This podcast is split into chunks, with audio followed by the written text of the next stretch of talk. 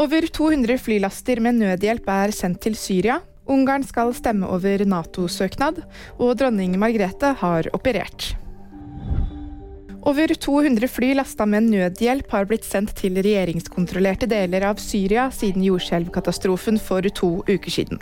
Det siste flyet som landet med nødhjelp i Damaskus, var et norsk fly som fraktet 14 tonn med utstyr fra Røde Kors, inkludert store telt med komfyrer, vannpumper og vannrenseutstyr, ifølge AFP.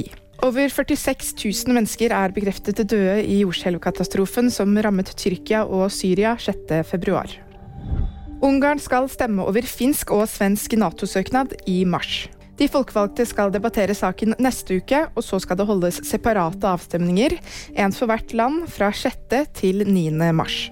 Ungarn og Tyrkia er de eneste to Nato-landene som ennå ikke har godkjent at Sverige og Finland kan bli med i forsvarsalliansen. Dronning Margrethe har hatt en vellykket operasjon. Den danske dronningen var onsdag gjennom en stor ryggoperasjon på Rikshospitalet i København. Kongehuset har ikke utdypet akkurat hva dronningen har blitt operert for, annet enn at dronningen gjennom en lengre periode har vært rammet av problemer med ryggen, og at situasjonen i det siste har forverret seg. VG-nyheter fikk du av meg, Ingrid Alice Mortensen.